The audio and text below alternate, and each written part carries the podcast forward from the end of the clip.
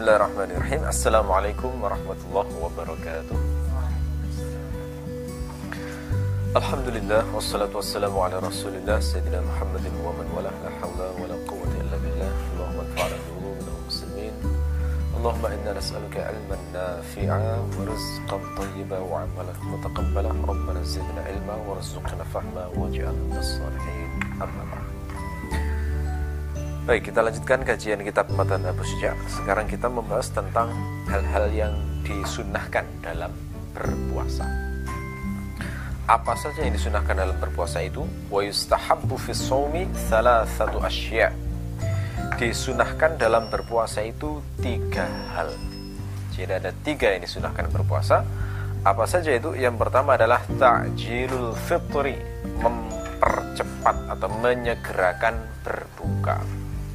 Maksudnya adalah kalau sudah tiba waktu maghrib, sudah terbenam matahari, maka segera berbuka. Jadi malah keliru kalau sholat dulu, kemudian berbukanya uh, setelah sholat. Itu keliru. Jadi berbuka dulu, baru kemudian sholat.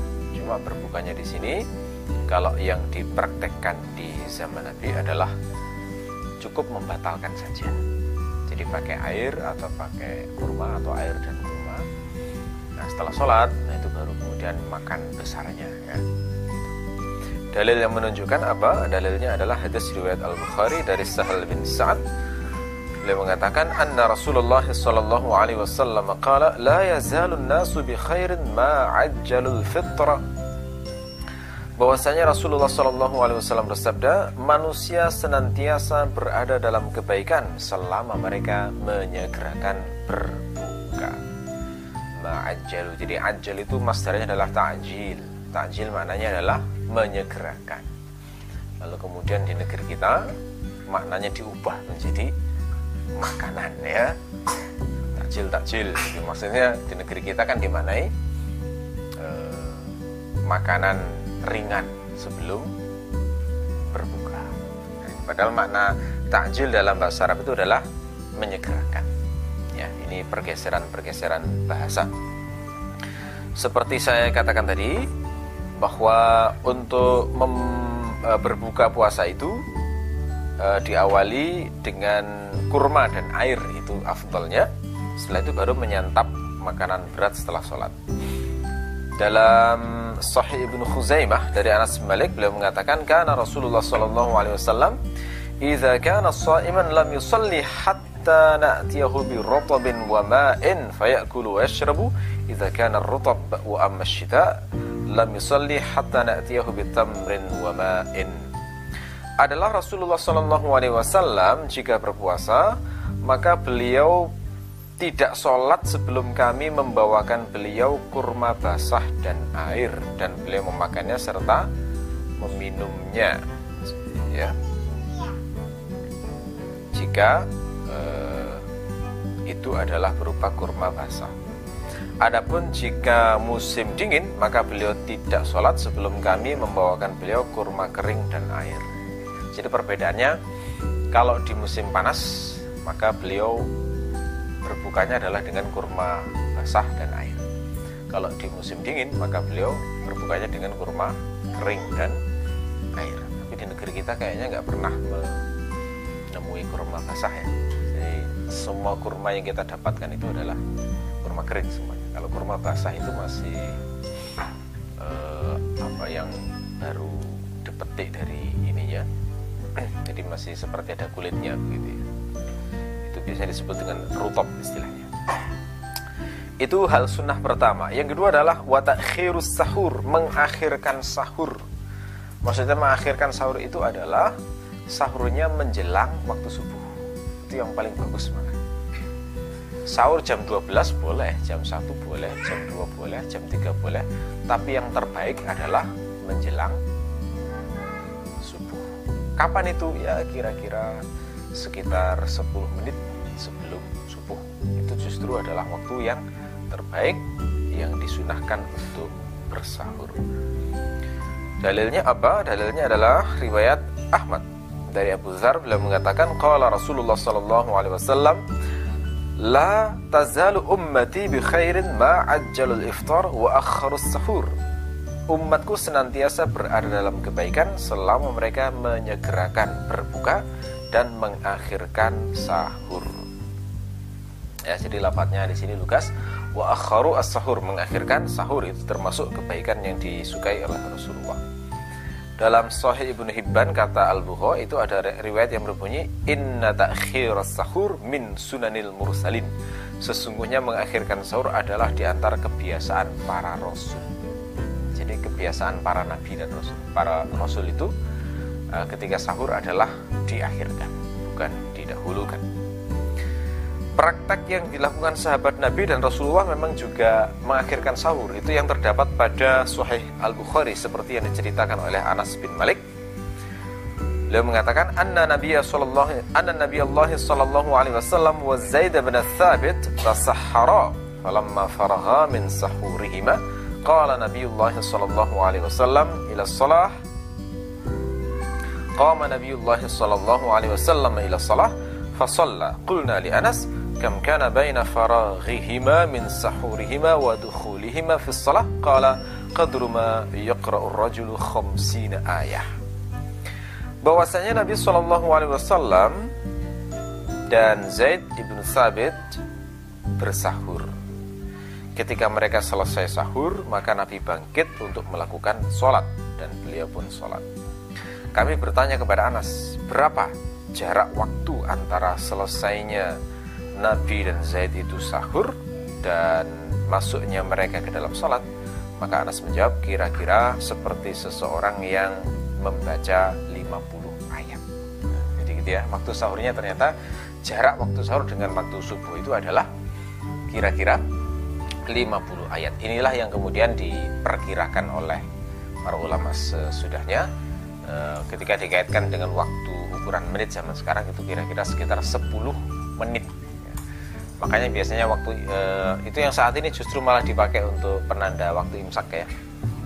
Untuk berhati-hati itu waktu imsak itu 10 menit sebelum waktu subuh. Itu adalah waktu di mana Rasulullah itu jadi menjelang imsak itulah ya ya waktu terbaik untuk uh, menjelang imsak di negeri kita tradisi negeri kita itulah waktu terbaik untuk waktu sahur melaksanakan uh, perintah takhirus sahur ini. Jadi makanannya disiapkan dulu jam setengah tiga jam dua. Ya sudah indah dipandang ya. Begitu sudah menjelang subuh barulah makan bersama-sama dengan nikmat gitu ya. Nah itu yang untuk melaksanakan sunnahnya sahur ini. Ya ini termasuk juga bisa berlaku untuk sholat ya maaf untuk puasa kalau misalnya kebiasaannya puasa sunnahnya Senin Kamis maka ini juga disunahkan mengakhirkan sahur itu. Atau puasa Daud misalnya nah, disunahkan di sini. Kemudian yang ketiga adalah watarkul hujri minal galab. Meninggalkan al hujr al hujr itu kata-kata yang tidak baik. Dari kata hajaro ya. Hajaro itu bermakna meninggalkan. Al hujr sesuatu yang ditinggalkan ya. Jadi meninggalkan sesuatu yang ditinggalkan yakni dari perkataan. Maksudnya perkataan yang ditinggalkan itu perkataan yang tidak baik. Karena perkataan baik itu kan fitrah manusia nggak suka ya. Modal-modal cacian ngomong nyelekit ya nyindir-nyindir itu kan ya. Kata-kata yang tidak ini tidak uh, tidak baik. Nah ini termasuk sunnah puasa untuk ditinggalkan Kenapa kok dikatakan sunnah? Karena memang kalau dikaitkan dengan hal-hal yang membatalkan puasa itu tidak ada dalil yang menunjukkan bahwa kata-kata itu e, termasuk hal yang membatalkan puasa. Karena kalau seandainya itu membatalkan, maka masuknya bukan di, di kelompok hal yang disunahkan di sini, tetapi maksudnya adalah hal-hal yang masuk rukun, ya, hal-hal yang membatalkan puasa, ya kita nah hujur ini sifatnya umum memang. Bisa mencakup hal-hal yang sifatnya makruh diucapkan atau bahkan termasuk yang hal-hal yang haram diucapkan. Kalau haram berarti termasuk e, berdosa orang melakukannya tetapi tidak membatalkan puasa. Kalau misalnya sifatnya makruh maka ya, itu tidak baik dilakukan dan jelas tidak membatalkan puasa.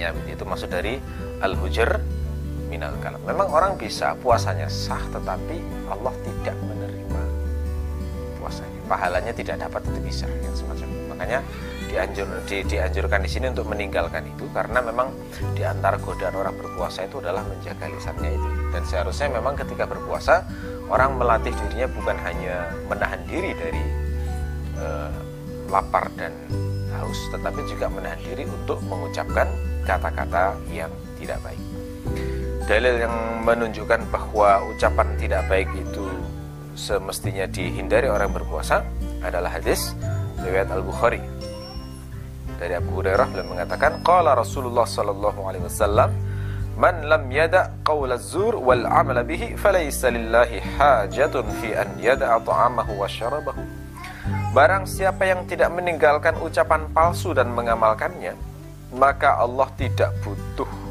dia meninggalkan makanan dan minumnya. Jadi orang kalau nggak meninggalkan ucapan palsu, omongan yang jelek-jelek, ucapan keji dan batil seperti mencaci, menggunjing dan sebagainya. Ya, gunjing ini termasuk dosa yang memang susah sekali menghindari ya. Kadang-kadang ngomong, ngobrol, terus tiba-tiba ngomongin orang lain kan gitu ya. Padahal itu termasuk hukum Lalu sebenarnya nggak tidak memaksudkan itu ya, tetapi pas ngomong tiba-tiba saja nyinggung begitu ya. Makanya kata Imam Ahmad benar, tidak ada satupun manusia yang selamat dari menggunjing.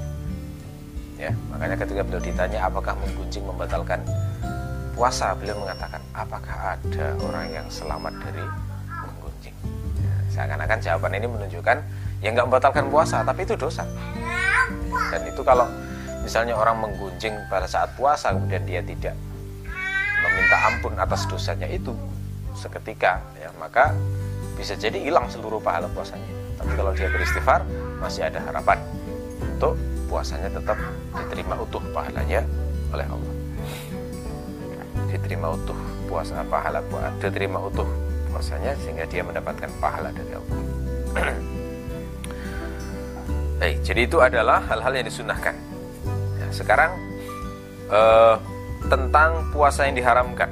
Wa yahrumu siyamu khamsati ayyam. Haram berpuasa pada lima hari. Jadi kapan saja haram berpuasa. Jadi nggak semua hari itu boleh dipuasai. Ya. Ada lima hari yang haram berpuasa di dalamnya. Apa saja itu? Yang pertama adalah al-idan, dua hari raya. Ya. Yang dimaksud dua hari raya ini adalah hari raya Idul Fitri dan hari raya Adha. Jadi jangan berpuasa di dua, di dua hari ini. Jangan pakai logika. Saya pernah mendengar ada orang yang berlogika. Hari raya itu kan makanannya enak-enak. Jadi godanya lebih besar. Maka berpuasa di hari itu itu adalah puasa yang paling besar pahalanya. Nah, ini nggak pakai dalil orang kayak begini ya. Ada semacam itu yang bilang kayak begitu ya. Jadi dikira amal itu mengikuti kaidahnya semacam itu. Padahal kan amal harus mengikuti dalil. Ya, yang betul saat hari raya makanannya enak-enak. Tetapi bukan karena itu kemudian berpuasa di hari itu lebih afdol daripada yang lain-lain. Amal itu ya dalil yang menunjukkan. Kadang dalil, kadang amal itu ada yang susah dilakukan, kadang ada yang enak dilakukan. Semuanya berdalil, semuanya berpahala kalau diikuti dalil. Ya haji misalnya itu amal berat betul payah capek apalagi zaman dulu. Keimanan orang teruji betul dengan haji itu. Orang dari Indonesia namanya kalau haji itu masya Allah berbulan-bulan di laut ya. Naik kapal di laut ya. kemudian perjalanannya misalnya dari eh, Yalamlam ke Mekah itu berapa puluh kilo jalan kaki ya. Jalan kaki atau kalaupun kendaraan pakai unta itu teruji betul imannya capeknya luar biasa. Bukan hanya harta yang dibutuhkan tapi juga fisik. Ya tetapi ada pula amal-amal yang eh, ketika melakukannya itu tidak eh, tidak susah. Makan misalnya ya, itu kan sesuai dengan kebutuhan manusia ya. Tapi jadi bisa jadi amal soleh itu.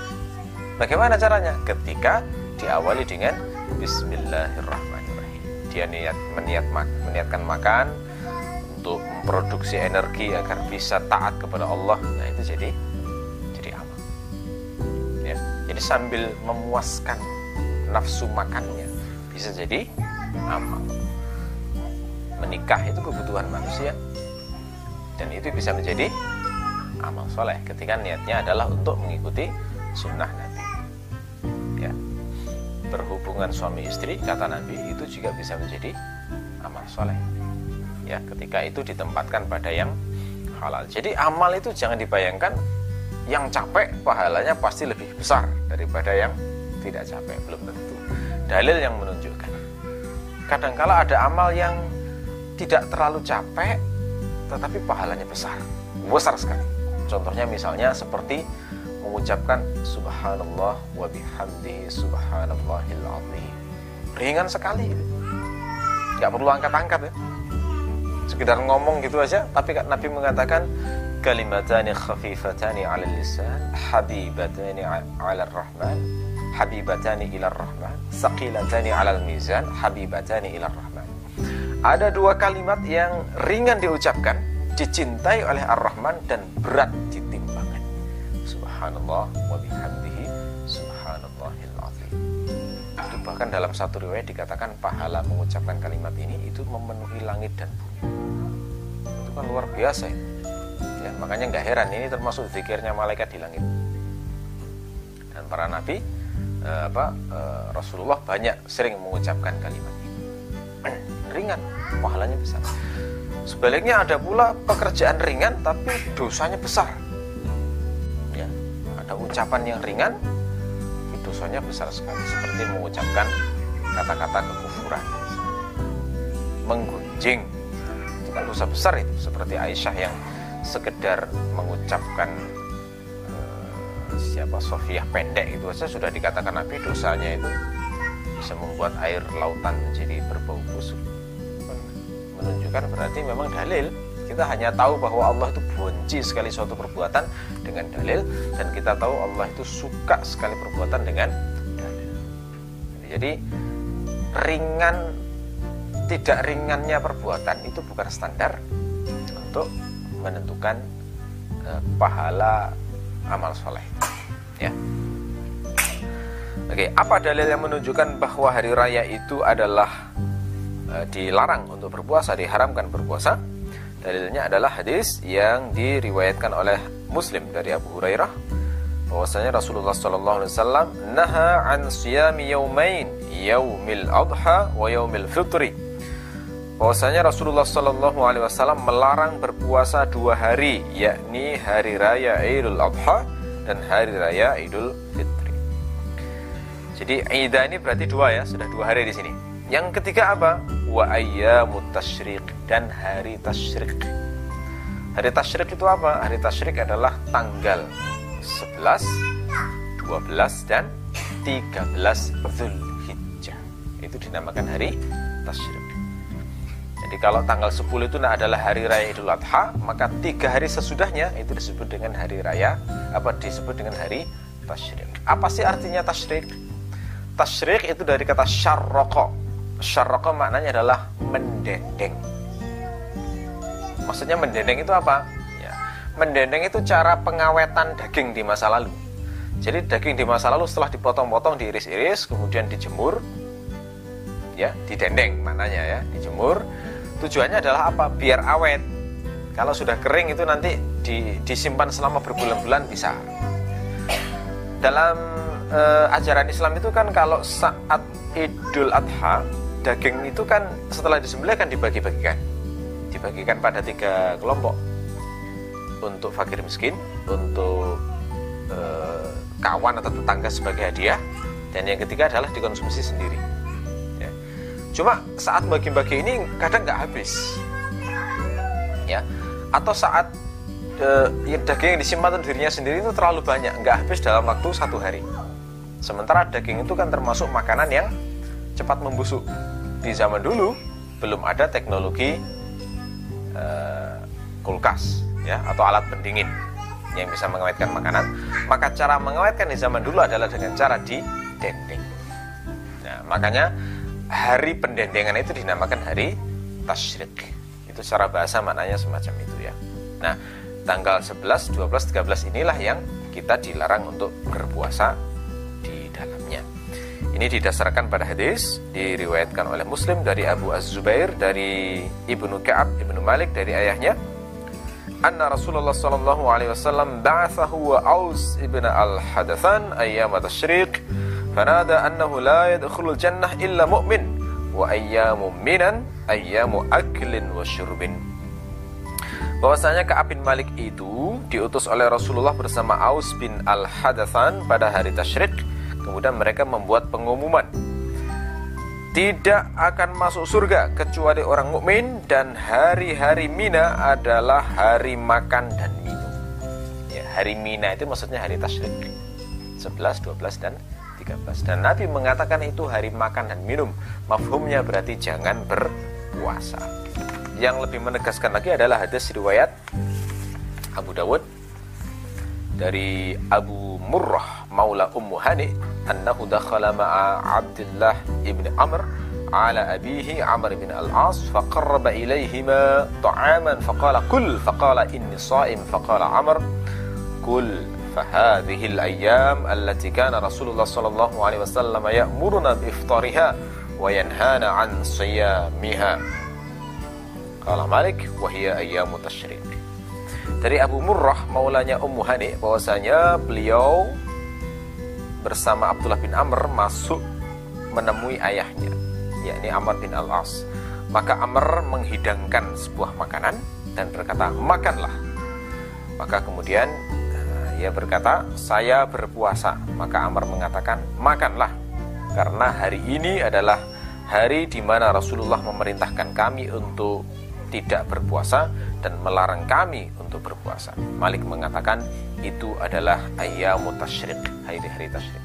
Nah, berarti ada riwayat dari Amr bin Al-As yang menegaskan bahwa Rasulullah melarang untuk berpuasa di hari-hari tasyrik. Karena saat anaknya bertamu kepadanya ditemani oleh kawan yang bernama Abu Murrah, kemudian menawari makanan, mereka mengatakan berpuasa, tetap disuruh makan lalu meriwayatkan hadis dari Rasulullah yang melarang berpuasa di hari tasyrik. Jadi itu adalah e, berpuasa di hari tasyrik ya. Jadi ada lima yang diharamkan berpuasa: hari raya Idul Adha, hari raya Idul Fitri, dan tiga hari tasyrik 11, 12, 13 Zulhijjah. Sekarang e,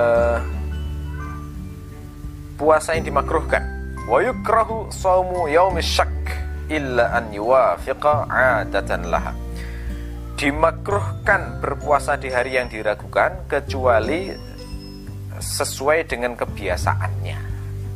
Ya. Jadi eh, puasa yang dimakruhkan itu disebutkan Abu Suja di sini adalah berpuasa pada hari yang diragukan. Maksudnya diragukan itu bagaimana? Maksudnya yang diragukan di sini adalah berpuasa pada tanggal 30 Syakban. Kenapa? Karena pada tanggal 30 Syakban itu kan ada kemungkinan tanggal 1 Ramadan. Karena bulan dalam Islam itu kan uh, kemungkinannya dua. Kalau tidak 29 hari, maka 30 hari. Tapi tidak akan sampai 31 hari. Dan tidak mungkin 28 hari. Kalau tanggal 29 Syaban, maka ada kemungkinan tanggal 30 Syaban itu ada, ada kemungkinan tidak ada karena sudah masuk pada tanggal 1 Ramadan. Oleh karena itu berpuasa pada tanggal 30 Syaban, maka itu termasuk puasa yang dimakruhkan kata Abu Suja di sini. Jadi maksudnya begini, kalau sudah tanggal 29 Syaban, Biasanya kan orang melakukan ru'yatul hilal di zaman dulu untuk mencari bulan bulan sabit itu. Tetapi kalau misalnya dalam kondisi mencari bulan sabit itu ternyata mata e, langit itu mendung, artinya kan nggak bisa tahu ya apakah ada bulan ataukah tidak. Ya, kalau misalnya tidak mendung, kemudian bulan tidak terlihat, maka sudah bisa dipastikan bahwa itu adalah tinggal tanggal 30 Syaban karena menyempurnakan bulan 30 hari. Nah, kalau misalnya bulan terlihat kan bisa dipastikan berarti besoknya tanggal 1 Ramadan. Tapi kalau sudah uh, uh, langitnya itu mendung, artinya kan jadi nggak tahu ya. Jadi nggak tahu. Nah biasanya kalau dalam kondisi semacam ini orang nggak tahu dan ragu apakah masuk satu Ramadan atau tidak, keputusannya adalah istiqmal, yakni menyempurnakan 30 Syaban. Gitu ya. Nah, dalam kondisi yang semacam ini kalau misalnya dia itu ragu tanggal 1 Ramadan kemudian dia berpuasa uh, di hari itu, maka dalam pendapat Abu Suja itu hukumnya adalah makruh. Ya. Ini pendapat Abu Suja. Kalau pendapat Mu'tamad Mazhab Syafi'i berpuasa di hari yang diragukan itu termasuk puasa yang haram. Gitu ya. Berarti ada enam hari puasa yang diharamkan. Ya, selain lima tadi ditambah satu yakni berpuasa di hari yang di ragukan. Tapi dalam pendapat Abu Suja ini masuk makruh. Apa dalil yang menunjukkan larangan berpuasa di hari yang diragukan? Dasarnya adalah hadis yang diriwayatkan oleh At-Tirmidzi dari Silah bin Zufar yang mengatakan Kunna inda Ammar bin Yasir fa'utiya bisyatin masliyah faqala kulu fatanahha ba'dul qawmi faqala inni sa'im faqala Ammar Man sama al-yawm alladhi yashukku fihi nas faqad asa Abul Qasim sallallahu alaihi wasallam. Silah bin Zufar berkata, kami di sisi Ammar bin Yasir, maka kemudian dihidangkan kambing panggang. Zaman dulu sudah ada kambing panggang ya. Jadi kambingnya di dimasak mungkin di api unggun bersama-sama begitu ya. kambing panggang maka kemudian Ammar mengatakan makanlah. Maka sebagian orang menyingkir, tidak ikut makan sambil mengatakan aku berpuasa. Maka Ammar berkata, barang siapa berpuasa di hari yang diragukan oleh manusia, maka sungguh dia telah bermaksiat kepada Abu Al Qasim Sallallahu Alaihi Wasallam. Nah, jadi pendapat mata Syafi'i mungkin mengambil dari kata faqad aso. Aso ini maknanya bermaksiat dan maksiat itu maknanya adalah haram. Uh, Mustafa Dibul Bugha juga menambahkan dimakruhkan yang termasuk dimakruhkan dalam mazhab Syafi'i berpuasa di dalamnya adalah berpuasa pada paruh kedua bulan Sya'ban. Jadi setelah tanggal 15 sampai akhir bulan Sya'ban dalam mazhab Syafi'i itu dimakruhkan berpuasa. Itu didasarkan pada hadis riwayat Abu Dawud dari Abu, Abu Hurairah bahwasanya Rasulullah sallallahu alaihi wasallam bersabda, "Idzan tasafa Sya'ban fala tasumu." jika bulan Syaban sudah mencapai separuh maka janganlah berpuasa. Riwayat Ibnu Majah bunyinya dari Abu Hurairah juga Rasulullah bersabda, "Idza kana nisfu min Sya'ban fala shauma hatta Ramadan." Jika sudah tiba separuh bulan Sya'ban maka tidak ada puasa sampai datang bulan Ramadan. Jadi ini di madhab Syafi'i begitu ya. Kalau sudah masuk separuh terakhir bulan Sya'ban maka dimakruhkan berpuasa. Ini saya membuat artikel khusus kalau terkait dengan puasa bulan Syaban ini. Yang saya jelaskan di artikel saya adalah puasa bulan Syaban itu e, semuanya termasuk sunnah tanpa membedakan apakah di awal e, bulan Syaban, di tengah maupun di akhir. Nah, adapun riwayat ini saya jelaskan di artikel tersebut ini termasuk riwayat yang syadz. Ini perawinya memang sahih tetapi bertentangan dengan perawi yang lebih thiqah sehingga dihukumi syadz. Ya. Itu adalah penjelasan tentang uh, berpuasa yang dimakruhkan. Kecuali kecuali adalah bertepatan dengan kebiasaannya. Maksudnya kebiasaan bagaimana? Dia punya kebiasaan puasa Senin Kamis misalnya. Terus pas hari Kamis itu pas hari yang diragukan berpuasa. Nah, kalau dia berpuasa begitu dalam konteks melakukan puasa yang merupakan kebiasaannya, boleh, ya. Jadi itu tidak masalah. Kenapa? Karena itu bukan berpuasa di hari yang diragukan, tetapi berpuasa kebiasaan tadi. Termasuk juga misalnya puasa Senin Kamis, apa puasa Daud, sehari puasa, sehari tidak, sehari puasa, sehari tidak. Terus kebetulan saat dia puasa adalah hari di mana itu di hari yang diragukan apakah masuk tanggal 1 Ramadan atau tidak. Nah, semacam ini juga boleh. Itu maksud dari pernyataan Abu Suja illa an yuwafiqa adatan lahu kecuali sesuai dengan kebiasaan yang ia lakukan. Ya. Baik, sekarang ketentuan terhadap pelanggaran hal-hal uh, yang membatalkan puasa. Waman wati'a fi nahari Ramadan 'amidan fil farji fa 'alaihi al-qada' wal kaffarah. Barang siapa yang uh, berhubungan suami istri pada siang hari bulan Ramadan,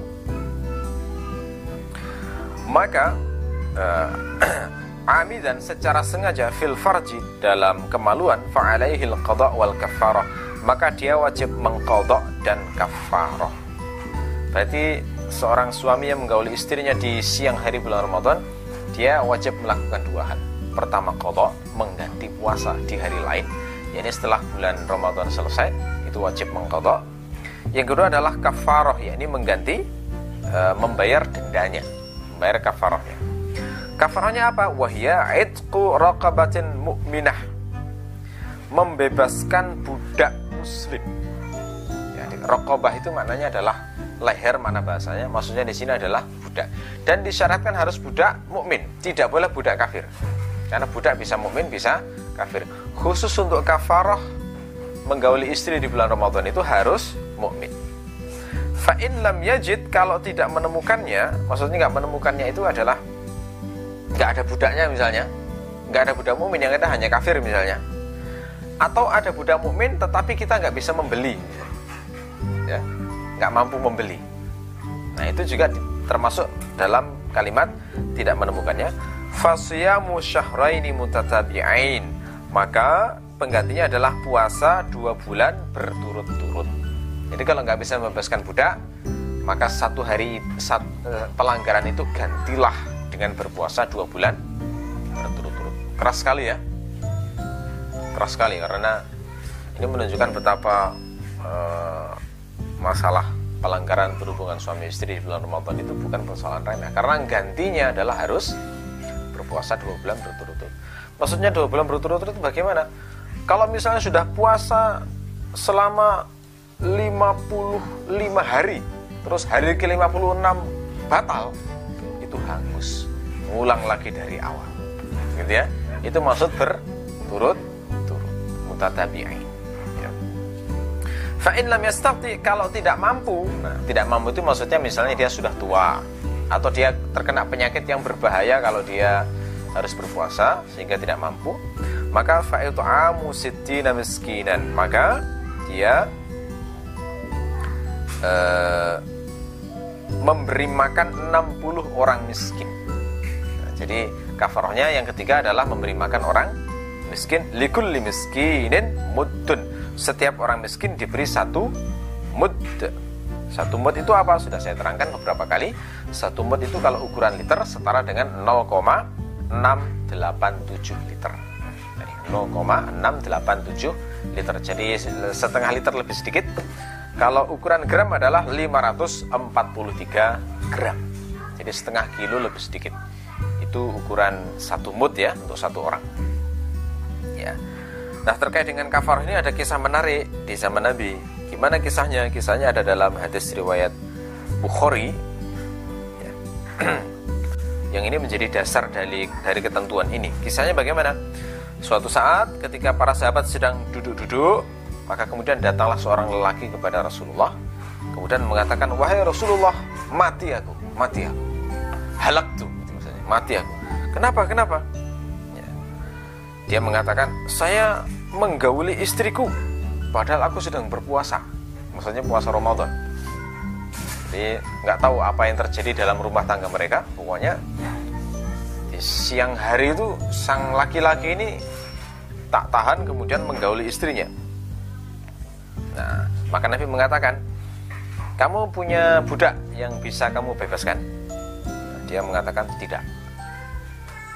Jadi enggak tidak punya budak dan tidak punya uang yang bisa digunakan membeli budak untuk dibebaskan. Terus Nabi bertanya, kamu bisa berpuasa dua bulan berturut-turut? Dia mengatakan tidak, nggak bisa, karena dia memang sudah tua, gitu ya. Jadi nggak mungkin untuk berpuasa dua bulan berturut-turut. Terus Nabi bertanya, kamu bisa memberi makan 60 orang miskin? Dia mengatakan tidak. Jadi ini orangnya saking miskin ya sampai untuk menyediakan makan 60 orang ini nggak bisa dia dia yang miskin. Dia sudah miskin, melanggar puasa lagi gitu ya. Orangnya miskin melanggar e, larangan puasa lagi. Nah ini bagaimana ini solusinya ya? Maka ternyata kemudian Rasulullah diam. Rasulullah terdiam ketika tiga hal ini nggak bisa dilakukan orang ini ya. Lalu kemudian e, di tengah-tengah sedang situasi kayak begitu kemudian tiba-tiba Rasulullah itu dikirimi satu keranjang besar yang berisi uh, kurma kering. Ya. Setelah itu kemudian Rasulullah mengatakan, mana penanya tadi? Nah, kemudian penanya bilang, saya Rasulullah. Ya, maka Rasul mengatakan, ambil ini keranjang ini, kemudian bersedekahlah dengannya. Artinya apa? Berarti dibantu oleh Rasulullah. Rasulullah membantu agar bisa melaksanakan kafaroh yang ketiga yakni memberi makan 60 orang miskin. Terus kemudian laki-laki itu mengatakan, apakah saya bersedekah kepada orang yang lebih miskin daripada saya wahai Rasulullah? Demi Allah tidak ada orang yang lebih miskin daripada saya di tempat saya. Maka Rasul tertawa, kemudian sampai kelihatan gigi uh, taringnya gitu ya. Kemudian beliau mengatakan im ahlaka ya sudah kasih makan keluargamu gitu ya. Jadi ini unik sekali nih ya. Orang melanggar malah dapat rezeki ini ya. Ini kan ya luar biasa ya kisahnya. Ya bisa jadi memang semacam ini. Ya. Nah, tapi ya syariat dilaksanakan sesuai dengan perintahnya. Konsep konsep syariatnya adalah kalau orang itu melanggar maka dia melakukan tiga macam kafarah ini. Nah kalau misalnya dia itu adalah orang yang memang paling miskin yang paling berhak dapat itu ya dia yang berhak berarti. Sementara bayarnya itu uh, kewajiban kalau semacam ini orang miskin nggak mampu memberi membuat kafarah semacam ini maka menjadi kewajiban penguasa untuk membantunya. Itu diambilkan dari baitul mal itu nantinya. Ya. Jadi kas negara itu ternyata ngurusi kafarah juga ya kalau dalam Islam itu ya ternyata. Jadi nggak hanya bangun jalan, rumah sakit, tapi termasuk mendata siapa saja yang uh, uh, orang yang miskin-miskin yang seharusnya membayar kafarah dan dia tidak mampu. Karena negara dalam ajaran Islam memang ngurusi akhirat orang, bukan hanya ngurusi urusan dunianya. Jadi negara itu kan seperti Rasulullah ini kan peduli dengan urusan akhirat rakyatnya. Karena kalau nggak bayar kafarah kan dia berdosa dia. Ya, makanya dibantu semacam itu sehingga selamatlah dia dari dosa. Ya, ini kisahnya sekaligus dalil dari kenapa muncul ada ketentuan bayar kafarah semacam ini. Wa man mata wa alaihi siyamun min Ramadan ut'ima anhu likulli yaumin muddun. Barang siapa yang mati sementara dia punya kewajiban atau tanggungan puasa Ramadan, maka dia diwakili untuk e, memberikan makan pada orang fakir miskin setiap hari satu mut. Jadi kalau ada orang mati punya utang puasa, itu kewajiban ahli warisnya, kerabatnya untuk membayarkan kafarohnya dengan memberikan makanan bagi orang miskin. Ini menunjukkan ya kita harus peduli loh dengan keluarga kita yang punya utang puasa. Jadi nggak hanya kita saja, tapi dikontrol juga orang tua kita, ayah kita, ibu kita, saudara kita, ya kerabat-kerabat kita lah yang termasuk ahli waris kita. Itu kalau sampai mereka itu punya utang puasa Ramadan, maka di sini kewajibannya adalah dibayarkan kafarahnya dengan cara membayar satu hari satu e, mut disedekahkan kepada orang miskin. Jadi ini harus diperlakukan sebagai utang, utang kepada Allah. Artinya apa? Untuk membayarkan ini itu hukum asalnya diambilkan dari tarikah, dari harta tinggalan mayit. Jadi sebelum harta waris dibagi-bagikan, disisihkan dulu untuk bayar kafaroh ini dulu. Dasarnya adalah riwayat dari At-Tirmidzi dari Ibnu Umar dari Nabi beliau mengatakan Man mata wa alaihi siyamu syahrin falyut'im anhu makana kulli yaumin miskinan. Barang siapa mati sementara dia punya tanggungan puasa satu bulan, hendaklah uh, dikeluarkan satu uh, setiap hari uh, makanan yang diberikan pada orang miskin sebagai pengganti satu hari itu. Dikuatkan riwayat Abu Dawud dari Ibnu Abbas beliau mengatakan idza maridar rajulu fi Ramadan thumma mata wa lam yasum ut'ima anhu wa lam yakun alaihi qada'un wa in kana alaihi nadhrun qada anhu waliyuhu. Jika seseorang itu sakit di bulan Ramadan kemudian mati dan dia belum bisa berpuasa, maksudnya sakit belum bisa mengkodoknya, maka harus dikeluarkan makanan, disedekahkan makanan satu mut ya setiap hari dan tidak wajib mengkodoknya. Kalau dia punya kewajiban nazar, maka walinya lah yang mengkodokkannya. Nah, ya. Ini riwayat dari fatwa dari Ibnu Abbas yang menegaskan prinsip tadi. Kalau menurut Mustafa Tibul yang lebih utama dari memberikan makanan sebenarnya adalah dipuasakan oleh kerabatnya yang diizinkan oleh mayit atau ahli waris. Berdasarkan hadis riwayat Al-Bukhari dari Aisyah, anna Rasulullah sallallahu alaihi wasallam qala man mata wa alaihi siyamun shama anhu waliyuhu. Barang siapa mati sementara dia punya tanggungan puasa, maka walinya yang mempuasakannya. Jadi dia di diwakili puasa oleh kerabatnya itu boleh e, diganti dengan memberikan makanan untuk orang miskin juga boleh. Termasuk juga ada riwayat Al-Bukhari dari Ibnu Abbas beliau mengatakan ja'a rajulun ila Nabi sallallahu alaihi wasallam faqala ya Rasulullah inna ummi matat wa 'alaiha shamu syahrin afa aqdihi afa aqdi 'anha? Qala na'am qala fadainullahi ahaqqu an yuqda. Seorang lelaki datang kepada Nabi Shallallahu Alaihi Wasallam kemudian berkata, Wahai Rasulullah, sesungguhnya ibuku mati dan dia punya tanggungan puasa satu bulan. Apakah aku boleh melunasinya? Nabi mengatakan, iya. Hutang kepada Allah lebih berhak untuk dilunasi. Nah, ini menunjukkan berarti anak bisa mempuasakan ibunya atau ayahnya yang punya tanggungan puasa Ramadan.